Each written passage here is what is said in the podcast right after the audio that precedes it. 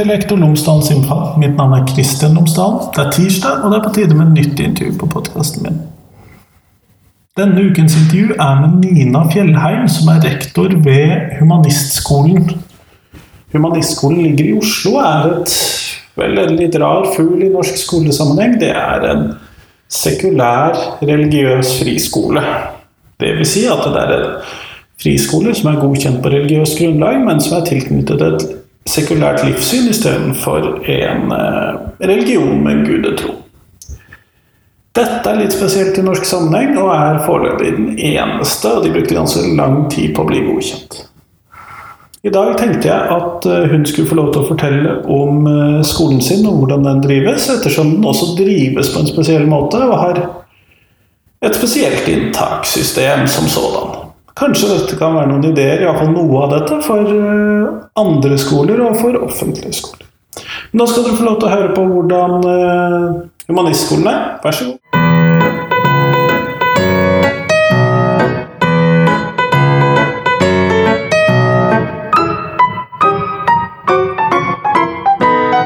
Tusen takk, Nina Fjellheim, for at jeg har fått lov til å komme og besøke deg her på Humanistskolen. Bare hyggelig. Før vi starter selve podkasten, kunne du ha fortalt meg tre ting om deg selv? For de av lytterne mine som ikke skulle kjenne deg fra før. Eh, jeg er utrolig glad i å studere. Nesten, eh, nesten en sånn form for avhengighet. Eh, så jeg er en videreutdanningsjunkie. Jeg er utrolig glad i gode historier og spennende mennesker. Og jeg er grunnleggende nysgjerrig. Det hørtes bra ut for en lærer. Det er gode egenskaper for lærer. Da havner man eh, som lærer. Eh, men du er jo da daglig leder eller rektor her på Humanistskolen. Mm. Kunne du fortelle meg eh, hva er Humanistskolen? Ja, Humanistskolen er min og Thomas Ole Martin sin skole sånn som vi ville ha skolen. vi har jobba lenge i offentlig skole eh, og hadde lyst til å starte skole sånn som vi ville ha den. Eh, og hvor eh, et hovedpoeng var at hovedmålet for alle elevene er at de skal lære å tenke. Det er det som er målet vårt, sånn overordna sett. Og for å få til det, så har vi gjort ganske store endringer fra offentlig skole. Eh, sånn at ikke elevene skal sitte og vegetere og kjede seg og høre på en lærer eh, inn i et klasserom. Men i stedet kan lære gjennom eh, opplevelser og erfaringer. Det å møte andre folk. Jeg har stor tro på det. å møte folk som er forskjellige fra deg selv. Da finner du bedre ut av hvem du er, hva du vil være, og hva du ikke er. Sånn at vi har en struktur som gjør at det er veldig korte økter. Det er uh, to ganger 35 minutter undervisning før lunsj og to ganger 35 minutter etter lunsj. Eller undervisning, Det er i hvert fall fellestid i 30 stykker sammen med en lærer. som er det man normalt sett tenker på som skole. Mens mesteparten av tiden så gjør vi noe annet. og da sitter elevene og jobber alene eller sammen med ulike typer oppgaver. vi valgte å kaste vekk lærebøkene, rett og slett fordi at det ødelegger fullstendig enhver form for tankevirksomhet eh, hos lærere og elever. Uh, ja, det er veldig lett å bare følge de. Det er veldig lett, og er, man, man, lærer jo egentlig ikke noe. Man, man, lærer seg hva som står i lærebøkene, men har man egentlig lært? Det er jo tvilsomt, vil jeg tro. Og så blir det veldig sånn at man, man har om nyrealismen fordi det er et kapittel om nyrealismen i norskboken, og nyrealismen er gørr kjedelig. og egentlig veldig lite relevant for de fleste av oss. Eh, og det er kanskje gøyere å dypdykke inn i absurdismen og føle litt mer sånn gjenkjennbarhet i det, tenker jeg. Men så det er det ikke et kapittel om, og da har man ikke om det. Eh, og det er Det ødelegger litt for, for den nysgjerrigheten og det å kunne gå inn i litt andre ting, tenker jeg. Så vi, vi, har, ikke, vi har ikke noe læreverk. Men vi har masse bøker som elevene kan lese når og hvis de har lyst. Eh, for det tror jeg er viktig.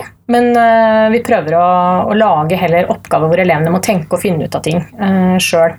Og ikke lese svaret på side 23, som er liksom 1864. Så det tror jeg ikke de lærer noe av. Og så er vi mye ute på tur. Hver uke så er vi ute på tur. Uh, treffer folk eller drar på kunstutstilling eller på teater eller på konsert eller sånne ting. Uh, og hver uke har vi også veldig ofte folk på besøk hit utenfra. Uh, som kan komme og snakke om livet sitt eller snakke om hva de er opptatt av, eller ja, kan være egentlig hva som helst. Alle har en historie å fortelle som er nyttig for andre mennesker å høre, tenker jeg. Så, ehm, så det gjør vi. Noen ganger passer de tingene vi gjør med utflukter og besøk veldig godt om akkurat det vi holder på med der. Andre ganger så gjør det ikke det. Det betyr ikke at det da ikke er relevant. Og det er der jeg mener eh, at offentlig skole, og veldig mange lærere i offentlig skole, tar feil. Det er ikke tidstyv å få besøk av Den kulturelle skolesekken. Det er jo en opplevelse.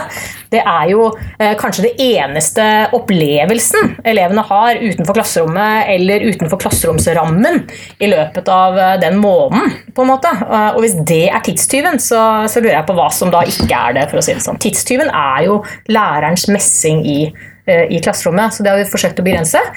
Og heller ha fokus på, på elevene. Så, så følger vi de tett opp. Gjør mye for å at eh, de som følger dem opp, som vi kaller for mentorer, da, som er en sånn utvida kontaktlærerfunksjon, eh, de har et kvarter per elev per uke. Det er mye tid. Men det er fordi det er det som virker. Da. Altså det er det, forskning viser at det er tett oppfylling. Det er det som funker. Da gjør vi det. Forskning viser også at det ikke funker å sitte i klasserommet hele tiden. Da gjør vi ikke det. Så, ja.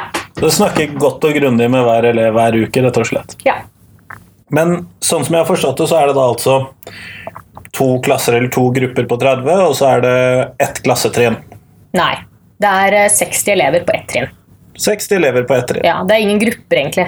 Eh, vi må jo oppfylle loven med at, skal, at alle elevene skal tilhøre en gruppe. Og da kan vi ikke si at skolen er en gruppe, visstnok. Eh, så vi har satt dem i grupper på 10 og 10, som er tilhørighetsgrupper. Um, men hvilke to andre tilhørighetsgrupper de er sammen når de har 30-30-undervisning, f.eks., det, det rulleres på hele skoleåret. Så det er ikke noen faste klasser. Og det er fordi at de ikke skal sette seg um, At man ikke skal sette seg i en liksom feil rolle, uh, rett og slett. Eller uh, at det skal bli sånn at det er liksom den flinkisklassen og det er bråkeklassen. Eller det, det, man får ofte sånne greier, og da, det er noe med å kunne løse opp litt i, i, det. Og også fordi at eh, vi er 60 elever, de trenger å snakke med hverandre. De trenger å vite hvem alle de er, fordi de må ha såpass for å ha et godt uh, sosialt miljø. Da. Nettopp. Men alle disse går da på samme klassetrinn? Ja. Så dere må jo da antagelig være Norges eneste skole med bare ett klassetrinn? Ja. Det tror jeg helt sikkert. Og de eneste som følger de da i tre år og tar inn nytt, jeg tror jeg vet ikke i verden, kanskje. altså. Ja, for, for, jeg må innrømme at som lærer og som ansatt i en privatskole selv, så høres det litt sånn sprøtt ut. Ja. Eh, hvordan funker det, syns du? Jeg syns det funker kjempegodt. Eh, jeg skjønner Eh, eksempelvis eh, Montessori-pedagogikken, hvor man tenker at man skal ha litt aldersblanding, og at man kan lære av hverandre og sånne ting. På vanlig vis, på offentlige skoler, så gjør man jo ikke det. Eh, og der vil jeg si at det er veldig begrensa hvor positiv innflytelse tiendetrinnselevene har på åttendetrinnselevene. Helt seriøst. Snarere tvert imot, for å si det sånn. Det ødelegger mye for åttendetrinnselevene at de har de slemme tiendetrinnselevene som har liksom sisteåret sitt, og som trenger å få ut alt hatet sitt på åttendetrinnselevene. Sånn at jeg tror at vi skaper skaper en tryggere eh, og bedre ramme ved at de, eh, at de er dem. Da. da kommer de inn her på åttende trinn. Det er bare de. Eh, de kjenner hverandre ikke så godt fra før, og de blir kjent og de blir utfordra. Og de krangler og de blir venner og de blir kjærester og de slår opp. og liksom Alt skjer innenfor den setting, så blir det veldig trygt. Så er det muligheten for folk til å vokse og til å styre dem. Vi blir veldig godt kjent med dem.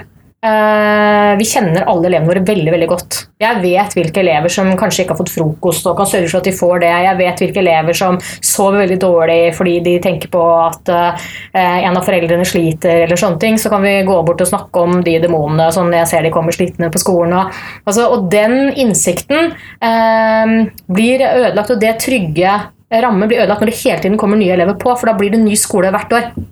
Her har vi den skolen, og vi utvikler på en måte de elevene vi har. Og så tar vi nye, og da kan vi reinvent ourselves. Altså, da, vi, da, er det ikke noe som ligger i veggene. Da er det ingen som forteller at 'nei, men sånn er det ikke her', og 'nei, den vi er den'. Grusom, ja, ingen sier det. Det er klart Du får litt sånn søsken da, som bare 'Å nei', liksom, ja, 'jeg vet han er psyko' og sånn.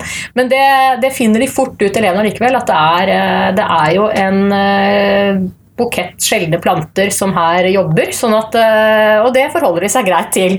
Men, men da får vi i hvert fall satt skolen litt på nytt igjen. Så kan vi ta vekk de tingene vi tenker at det funka ikke så bra. Vi prøver dette her isteden. Så kan vi si at sånn er det på humanistskolen, kan vi si. og så er det ingen som kan si at nei, nei, nei, sånn var det ikke før. og sånn. nei, jeg kan se den. Eh, og nå skal det jo, disse elevene som er her nå, de er jo da tiendeklassinger fra høsten. Mm. Så, det gleder jeg meg skikkelig til. Det kan jeg jo skjønne. Mm. Men dette er jo da altså en religiøs friskole. Mm. Ikke i religiøs. religiøs. Mm. I lovens forstand i hvert fall religiøs friskole. Mm. Sekulær religiøs, ja. Artig. Hvordan skiller dette seg da fra den offentlige skolen? Er vel kanskje det mest relevante i sånn læreplan, type innhold, skoleinnhold, type ting. Eh, Når det gjelder læreplanene, så har vi det er noen forskjeller. Um, Vi har søkt om det skal bli enda flere forskjeller, men nå er det noen forskjeller. Det er, eh, vi har dannelse som eget fag.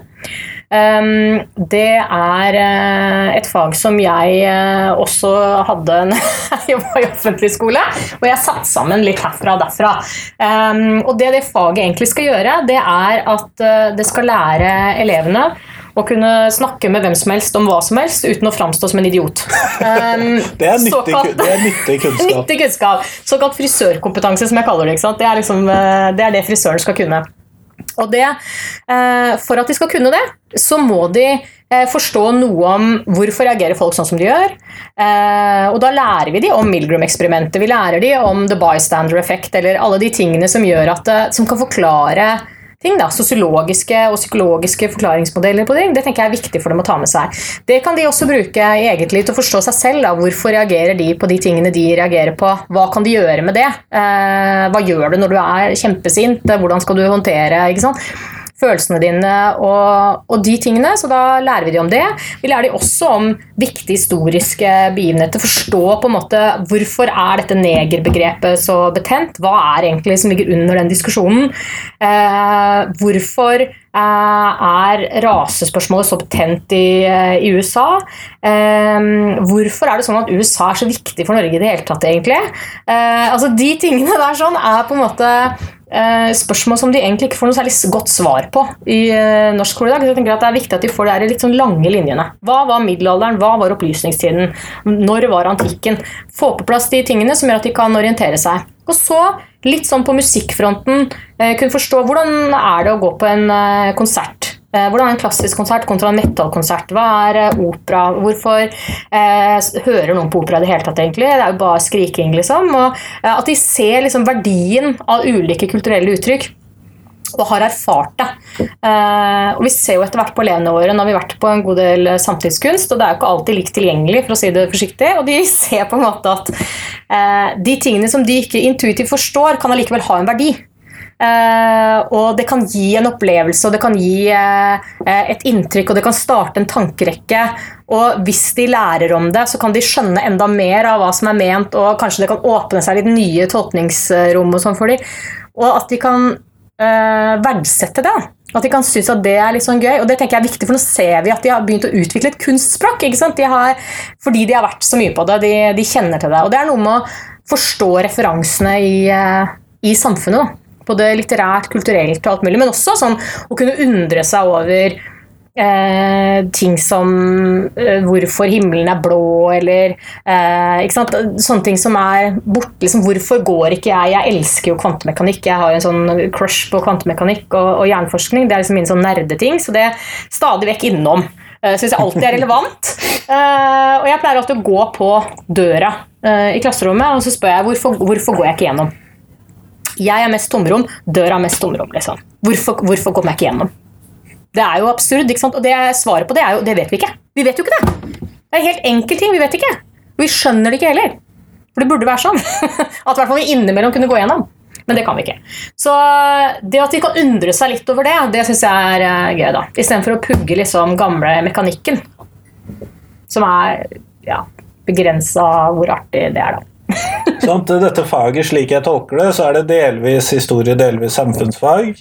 En god dose kulturoppdragelse og mm, en del av de tingene som eh, Torbjørn Røe Isaksen har lyst til å putte inn i et livsmestringsfag. Yes, det er helt Sånn omtrentlig. Ja, det er en godt oppsummert eh, bit.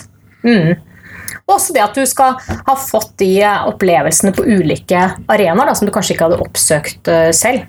Og jeg tenker, Det er jo ikke det at Vi var jo på Tosca på opera nå i vår.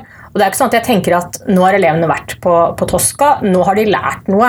Ikke, jeg kan liksom ikke si at ja, nå har de lært eh, sånn og sånn. Det, det er ikke det, men det er det at det, nå vet de hvordan det er å sitte på en operaforestilling. Det mener jeg har en verdi. da. At de har opplevd det, for det er det ikke alle som har opplevd. Ikke alle foreldrene deres heller har opplevd det, faktisk. Sant? De har gjort noe som foreldrene ikke har opplevd. Det er jo alltid gøy. Eh, og at de gjennom det kan kanskje forstå noe, da. Og så vil det kanskje være én eller to bare av de 60 elevene som faktisk fikk en, en veldig stor opplevelse av det. Uh, mens alle fikk jo en opplevelse med seg som gjør at uh, når noen snakker om at de har vært i operaen, så vet de hva det er.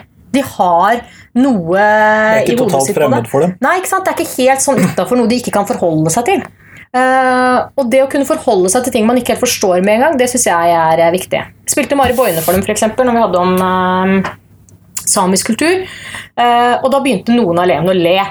Eh, og det gjør jo ofte elever når de møter noe de ikke skjønner. Eh, så sa jeg ikke, ikke gjør det. For det du gjør når du begynner å le, det er at da stenger du.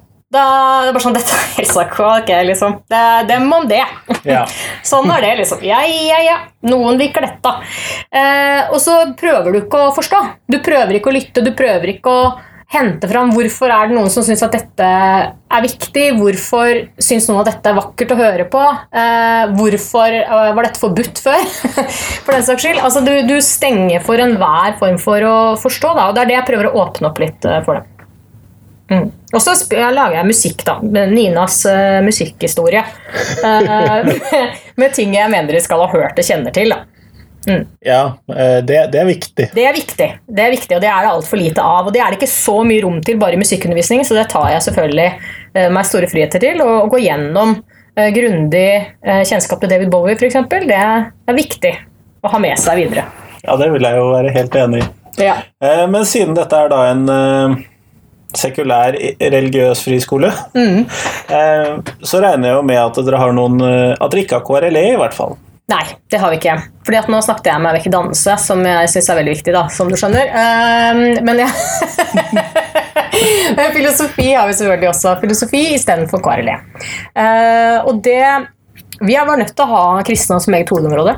Det måtte vi faktisk. Departementet ville ikke godkjenne at vi hadde verdensreligionene som et hovedområde. Kristne måtte være et eget hovedområde. Så det måtte vi gjøre om på. Så det har vi. Så vi har på en måte planen for KRLE-faget eh, i tillegg til en del ekstra filosofi. Og så har vi økt timetallet på det. Ehm, og så har vi lagt opp helt annerledes enn offentlig skole. Fordi nå har vi muligheten, siden vi da er en religiøs privatskole, til å eh, dra elevene med på mye religiøs aktivitet.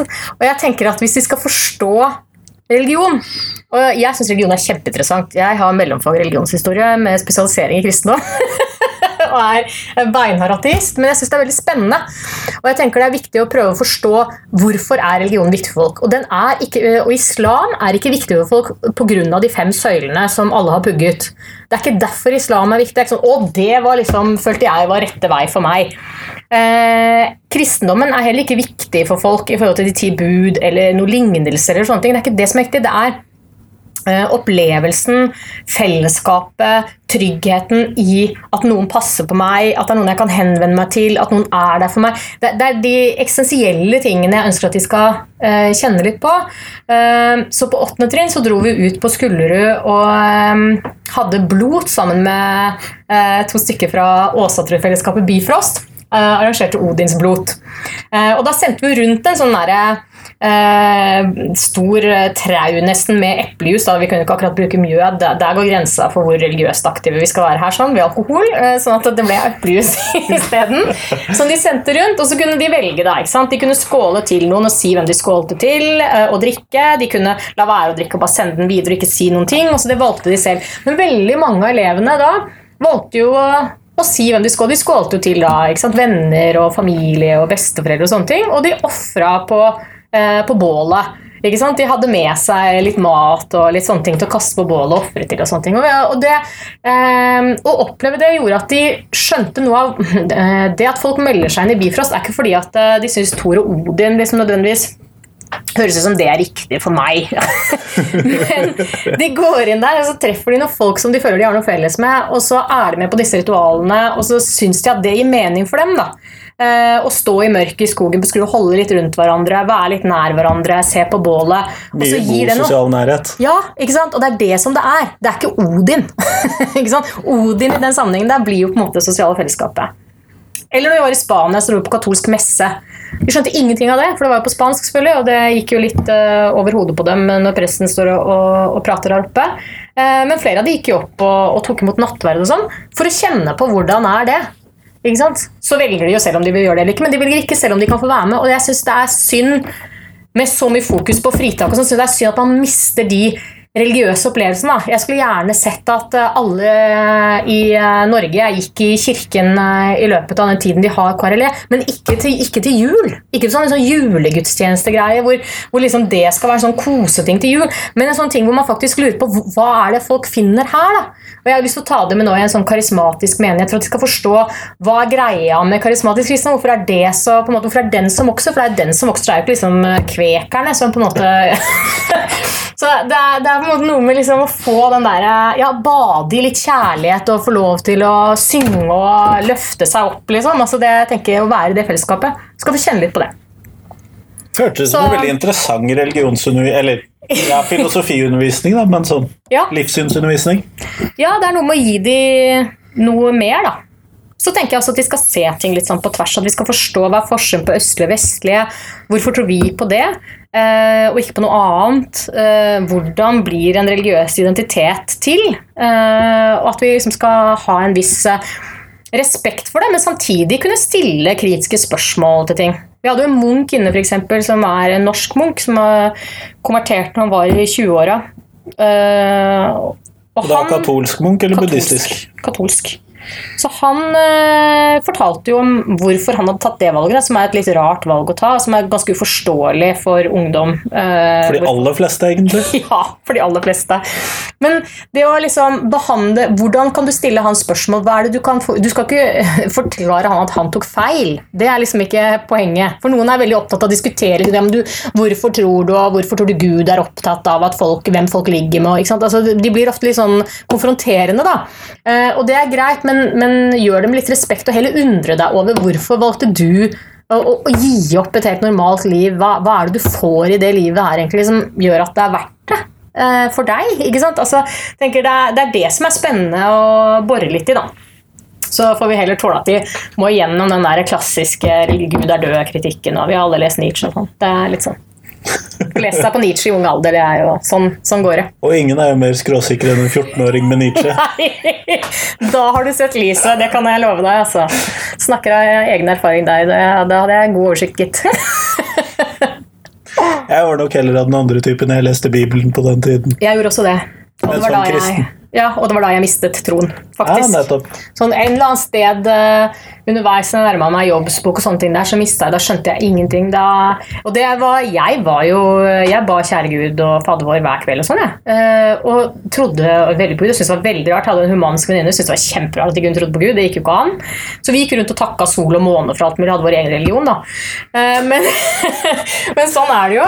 Men så Men jeg begynte å lese Bibelen, så da mista jeg det. Jeg syntes det sto så mye rart. Jeg skjønte ikke det snakka ikke til meg i det hele tatt. Og, eh, og det var en sånn eksistensiell krise, så jeg bare skjønte at her, dette går jo ikke. Dette kan jeg ikke tro på. Så konfirmerte jeg meg borgerlig. Så da satt jeg alene og hadde kristendomsundervisning et helt år. Siden da foreldrene mine var i statskirken, så kunne ikke jeg få livssyn. Da, og alle de andre hadde konfirmasjonsundervisning, så der satt jeg og protesterte med å skrive lange tekster om onani og seksualitet eh, som en del av læreplanen.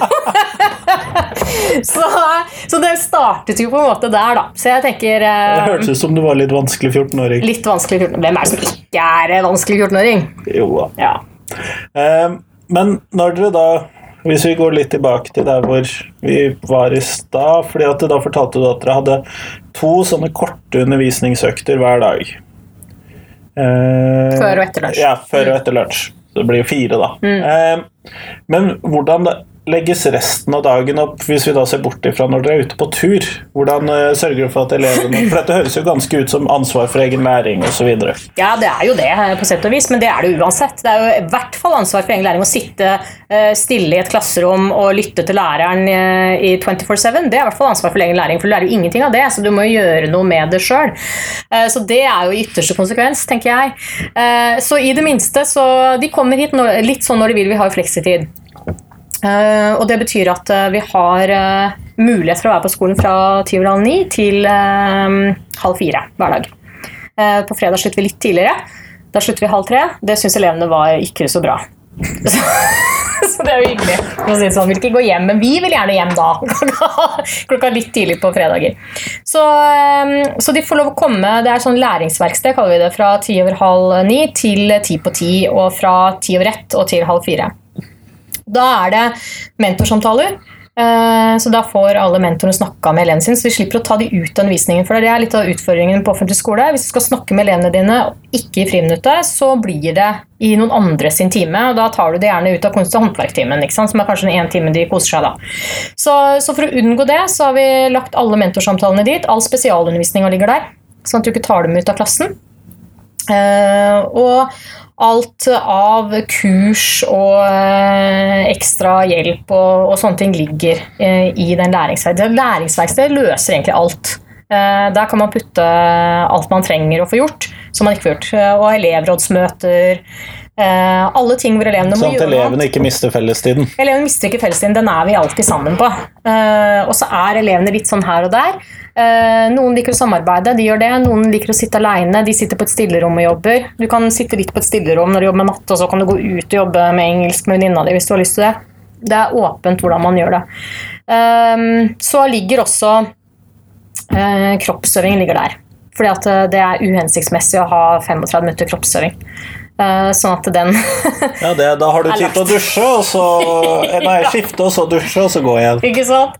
Så det, den, er, den er lagt eh, på slutten av dagen. Så folk kan gå hjem og dusje også, for at det er mange, det er så mye issues med det dusjegreiene. Kan ikke, det, det kan vi ikke bruke tid på, rett og slett. Så da legger vi den helt på slutten av dagen. Skal folk gå hjem og dusje etterpå, eller dusje der, eller hva som helst. Men da slipper vi å forholde oss til det.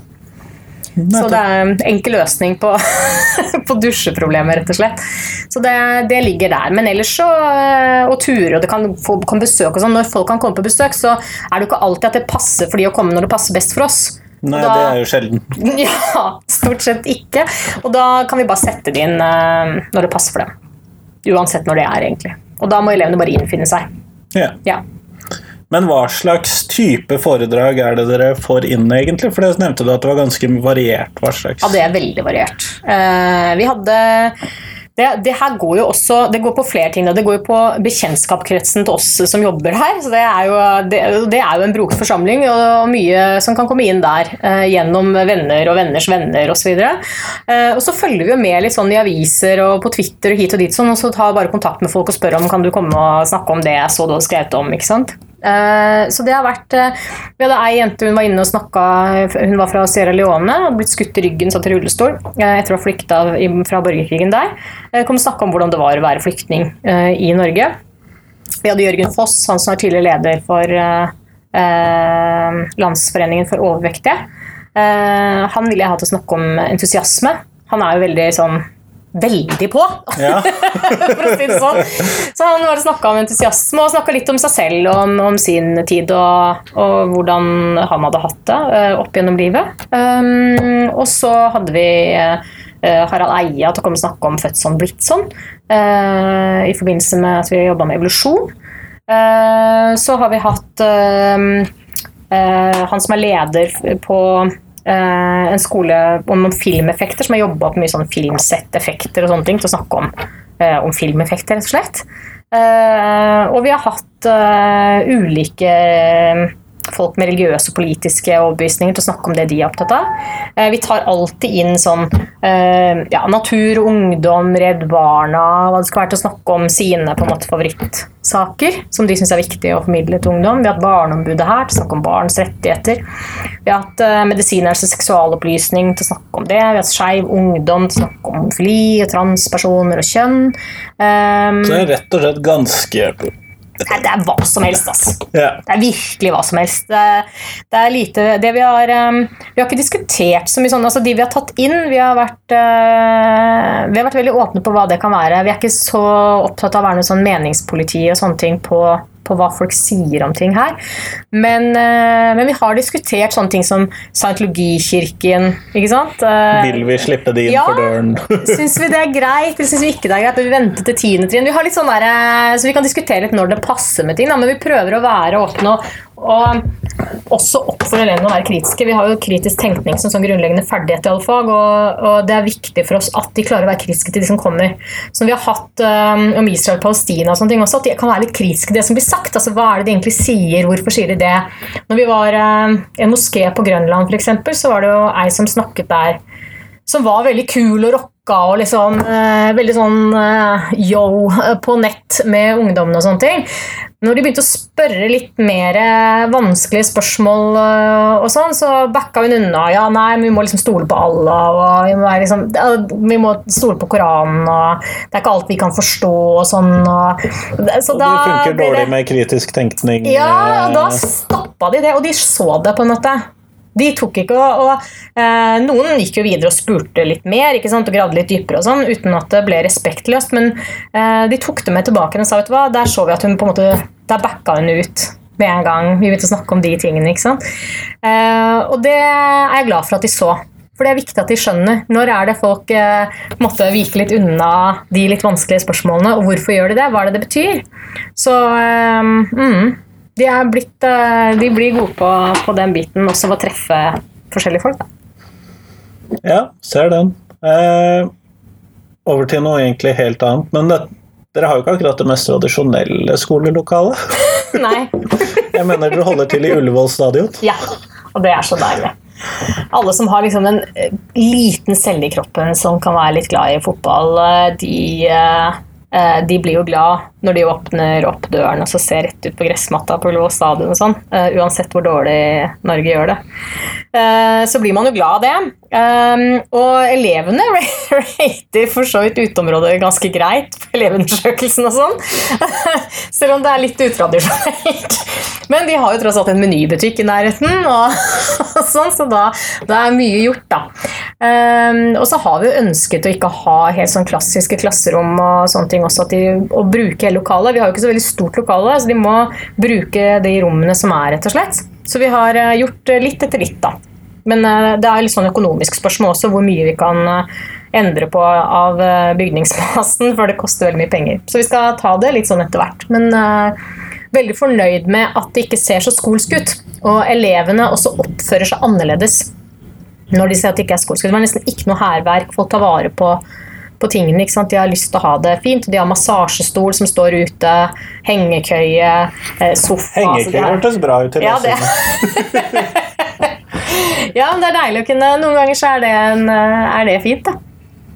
Tenker jeg også.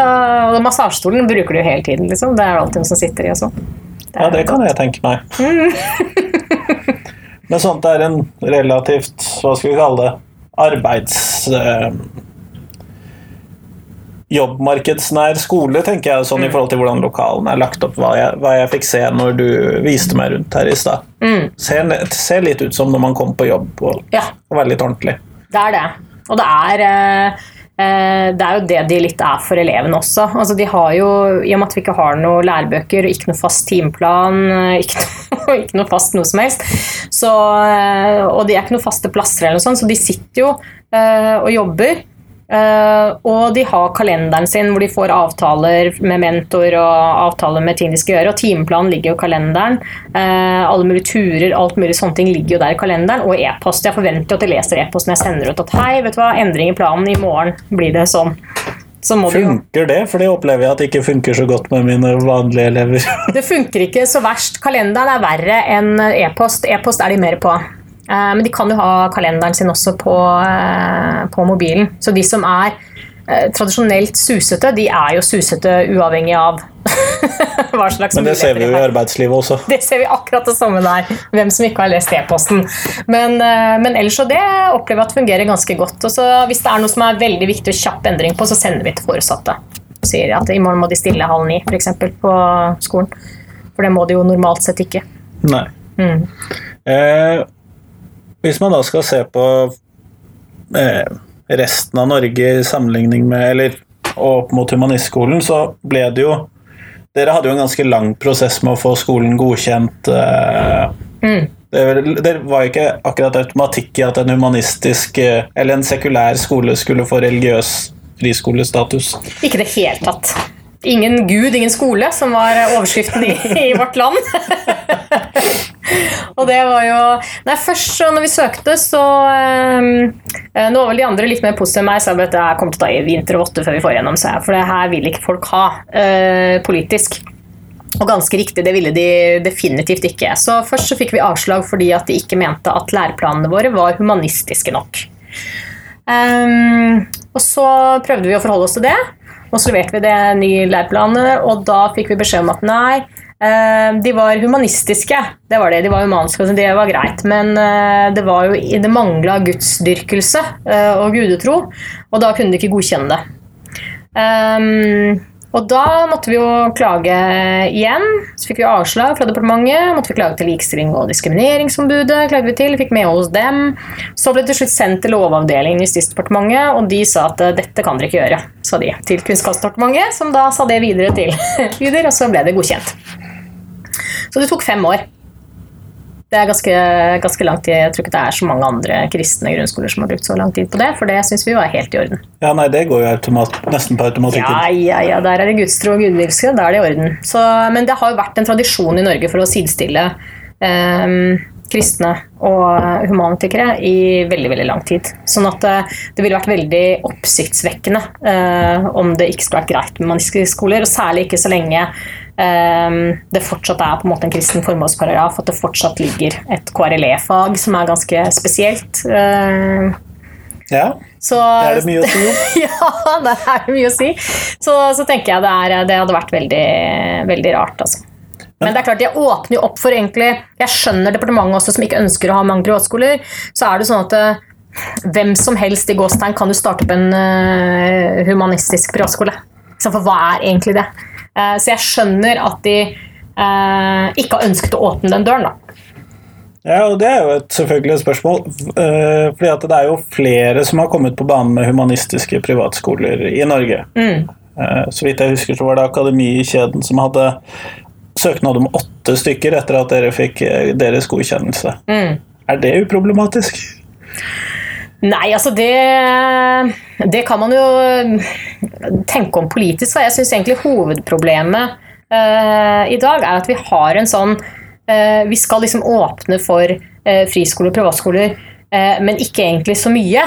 Uh, og Det synes jeg er en mye mer vanskelig posisjon å inneha. Det er greit så lenge det ikke er så mange av dem. eller sånne underlige ting. Altså, enten så mener man at det er greit, og da må det være greit. Uh, eller så mener man ikke det er greit, og da bør det ikke være greit i det hele tatt. Altså, mens det er en sånn eh, merkelig mellomposisjon som alle syns å være sånn brukbart fornøyd med. fordi at de vil ikke ha på en måte, Det er politisk ikke opportunt å si nei til alle former for privatskole. Og Derfor så har de åpna liksom for noe, men så vil man helst ikke allikevel sånn. Men jeg syns det er innmari rart at man tenker at eh, de som har lyst til å starte en steinerskole, med alt det rare tankegodset som ligger til grunn for det, det skal man synes er helt ok. Men at noen har lyst til å starte bare en veldig bra skole, vi vil liksom lage en kjempegod skole, de skal ikke få lov til det. For det er ikke et alternativ. Klart det er et alternativ. Altså, det andre er jo mediocre. At best. Sånn at eh, det er klart det er et alternativ er en bra skole, men det får man ikke lov å starte. Så, eh, og, og, vi vil jo starte Norges beste skole. Ikke sant? Så starter vi den som en humanistisk eh, skole, og det er jo humanistisk og mange av de tingene som vi syns er viktig å ha med. Men det hadde ikke måttet være det, syns jeg. Og jeg syns det er rart at man skal lage et ja til religiøse privatskoler og, og, nei til alt annet. Det ville jo heller hatt omvendt, nesten. Altså nei til religiøse privatskoler, ja til gode skoler.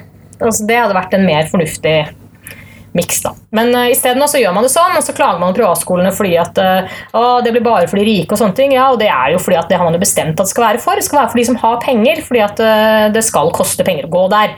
Sånn at det, det, man uh, kommuniserer litt sånn dobbelt på, på, veldig mange ting. Ja, det blir jo fort sånn når man bare dekker 85% av skolepengene for elevene på mm. friskolene. Mm. Og nå klarer vi oss jo på det nå og har en gratis privatskole, eh, men som vi skal endre på. da. Eller gratis friskole, da. Privatskolen er jo de som ikke tar imot penger fra staten. Så friskole to be eh, exact. Ja. Yeah. ja, for nå begynner dere å ha litt skolepenger eh, etter hvert? Ja, fra neste kull. Ja. Mm. Så, eh, og det er jo for å få dekket inn liksom, For at de skal få mest mulig opplevelser og mest mulig tur og mest mulig sånne ting for elevene. Men selv på det budsjettet som vi har nå, da, som er 85% og vi er nystartet skole, så vi har en del ekstra utgifter, så har vi jo dratt til Spania med alle elevene i en uke. Uh, som de ikke har betalt noen ting for. Av nysgjerrighet, hvor i Spania dro dere? Granada. Ja, Det er jo bra, og både det- historisk og religiøst. Og... Yes, det er veldig bra på det. Og ikke minst er det akkurat passe stor by. Eh, og det er ikke en partyby. Eh, det er også fint når man skal ha ansvar for 60 ungdommer, at det ikke er Malaga.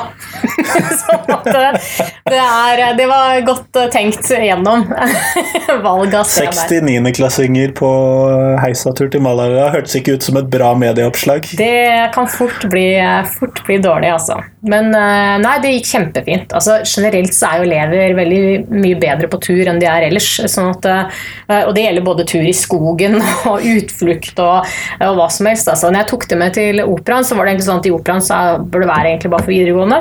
Så skrev jeg at nei, vi er så fantastiske elever, og vi syns det er kjempespennende. Vi er alltid ute på tur, og de er no stress å ha med dem og sånn. Eh, Så fikk vi lov å dra, så da sa jeg jo til elevene at eh, Oi, nå fikk vi lov å komme i operaen, nå nå må dere bare oppføre dere kjempefint, for jeg har sagt at dere er bare helt fantastiske og sånn, så det må dere bare leve opp til nå. visst press. Ja, mildt press! De oppførte seg jo eksemplarisk, selvfølgelig. Så, og da vet du at de kan få gøye ting seinere også. Hvis de oppfører seg dust ute, så vi kan jo ikke ha dem ut. Så da, eh, ved at de oppfører seg bra, så kan vi gjøre mer gøye ting med dem. Så det skjønte de. Og i Spania også, så skjønte de skjønner det. Det er ikke det at det, ehm, om de liksom hadde drukket to øl, eller noe sånt, det, det er ikke noe krise, det. Men poenget er hvis de går ut og drikker et eller annet sted, og de ikke har kontroll, og de ikke vet hvor de er hen, og jeg ikke vet hvor de er hen, så setter de seg selv i fare. Ikke sant? Og det er redd for hva som skal skje. Og det er et kjempeproblem. Eh, og det forklarte jeg de. Hva, hva er problemet med alkohol på tur? Ikke sant? For oss. Og det skjønte de. Eh, og de var eh, kjempefine. De kom inn når de skulle, og de sto når de skulle. Og så hadde vi jo selvfølgelig pakka programmet maks. Og det var liksom opp klokka halv åtte og eh, i seng klokka elleve hver kveld. Og det, imellom der så var det veldig lite fritid. Sånn at um, Alltid lurt med særlig ungdomsskolen. ja, da er de gode slitne når vi har lyst til å legge seg når vi endelig kommer tilbake igjen. Eh, Men hvis vi nå skal ta oss og avslutte podkasten, så har jeg et, selvfølgelig det faste spørsmålet jeg stiller til eh, alle de jeg intervjuer. Og det er hva ville gjort hvis du hadde fritt mandat og fritt budsjett til å gjøre noe i norsk skole? Presumptivt av den offentlige skolen. Eh, Så hva ville du gjort hvis du var norsk skolediktator? Hva ville du startet med? Ja, um, jeg eh, dette, dette blir veldig upopulært, kjenner jeg. Uh, men jeg ville starta med å skrote arbeidstidshallen til lærerne. Eh, den eh, er jeg ikke tilhenger av. Jeg syns den skaper eh, flere problemer enn den løser. Og så ville jeg faktisk innført noen kvalitetsindikatorer. Per i dag så er det ikke det i det hele tatt. Det, er, det holder at du klarer å dra deg på jobb og sitte inne i klasserommet, og så er det på en måte, da har du liksom litt gjort jobben din. Og det skal innmari mye til at du eh, at du da blir sparka ut. Så jeg ville satt opp noen kvalitetsindikatorer. Jeg ville satt opp noen rettigheter til elevene. Uh, altså Hvis du ikke kan sånn og sånn uh, innen da og da, så skal det skje noe. Da skal du få de beste folka til å hjelpe deg til å få det til. Ikke den NOx-akten uh, som bare må ha spesped fordi at vi kan ikke putte deg noe annet sted. Jeg vil ikke ha den til å gjøre det, jeg vil ha de beste folka til å gjøre det. Det ville jeg gjort. Eh, og Så ville jeg skrota spespeden sånn som den er i dag. Tatt alle de pengene og brukt på fornuftige folk som kan gjøre noe for de elevene som i dag får spesialundervisning, og som blir ødelagt av det. Synes jeg er krise. Eh, og så ville jeg brukt de pengene man bruker til etter- og videreutdanning av lærere, til å, til å betale ut de, lærerne, de 10 dårligste lærerne til å slutte. Sluttpakke til de 10 dårligste lærerne. Jeg er sikker på å høye mye mer. Eh, mye bedre læringsutbytte for elevene hvis de 10 dårligste lærerne hadde vært ute, enn at eh, de flinke lærerne får videre- og etterutdanning. så, det, mm, ja. så det er sikkert ikke det mest populære tingen å foreslå, vil jeg tro. Men jeg tenker vi kan ikke fortsette å bruke pengene på ting som ikke virker, og det er bare det vi gjør i dag. Vi bruker penger, masse penger på videreutdanning, som er, jeg syns er helt krise. Eh, Og hva slags ordning er det? Man får liksom 40% fri for å studere 50 Hva i all verden? Eh, Og det andre er jo så skal man være forbanna på det å kalle det en spyttklyse i trynet på seg og sånn. Eh, Ja vel, ta gjerne det, den spyttklysa hvert år fram til 2022 eller 2025 eller når det er ferdig. Um, og så tenker jeg spesialundervisning. Kjempesluk og ingen effekt. Men man gjør ingenting med det. Det bare fortsetter vi med. Eh, For da har de liksom fått rettighetene sine, og da er vi eh, fornøyde. Eh, Og det er helt krise. De blir ødelagt, de stakkarene som får spesialundervisning. Og det er jo helt ille at de som da får spesialundervisning, de gjør det dårligere enn de som ikke får spesialundervisning med samme utfordringer. Altså, jo, da, må jo da må man jo slutte å gjøre det. I all vei, altså, det er jo ingen annet sted hvor man tenker at nei, da bare fortsetter vi med det. Men i skolen gjør man det. Fortsetter med det som ikke virker. Eh, og de har jeg veldig sympati for, for de har ofte masse annen tilleggsproblematikk. Og, og de trenger ikke at det kommer eh, de dårligste lærerne skal sitte og steke vafler med dem eh, på mat- og helserommet altså en gang i uka. God! Eh, så det syns jeg er virkelig krise. Eh, og det burde vært gjort noe med. Men det er fordi at det er ikke en sterk gruppe. Da blir det ikke noe av, liksom. Se på hvilke grupper i Norge er det som har det dårligst av alle gruppene i Norge, liksom. Jo, det er de utviklingshemmede. Uh? Og det er jo ikke tilfeldig at det er det. Det er jo for at Der har du ikke den sterke pressgruppen, rett og slett. Det er for få, de er for spredt, og de, de som har med de å gjøre, er slitne. Uh, De orker ikke den kampen mot uh, offentlige myndigheter i tillegg, liksom.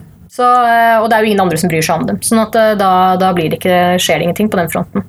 Så jeg tenker det er um, kanskje de viktigste tingene å gjøre som noen skolediktator, da. Sørge for å få de Få de ut. Jeg har ingen tro på mer penger til norsk skole, at det løser noe som helst. Vi bruker mest penger av nesten alle i hele verden. Kan bruke 50 milliarder til. Det kommer ikke å ha noe effekt, tror jeg, på hvordan elevene har det i norsk skole. Kjempeflott. Tusen takk. Good. Takk for at jeg fikk komme og prate med deg. Bare hyggelig.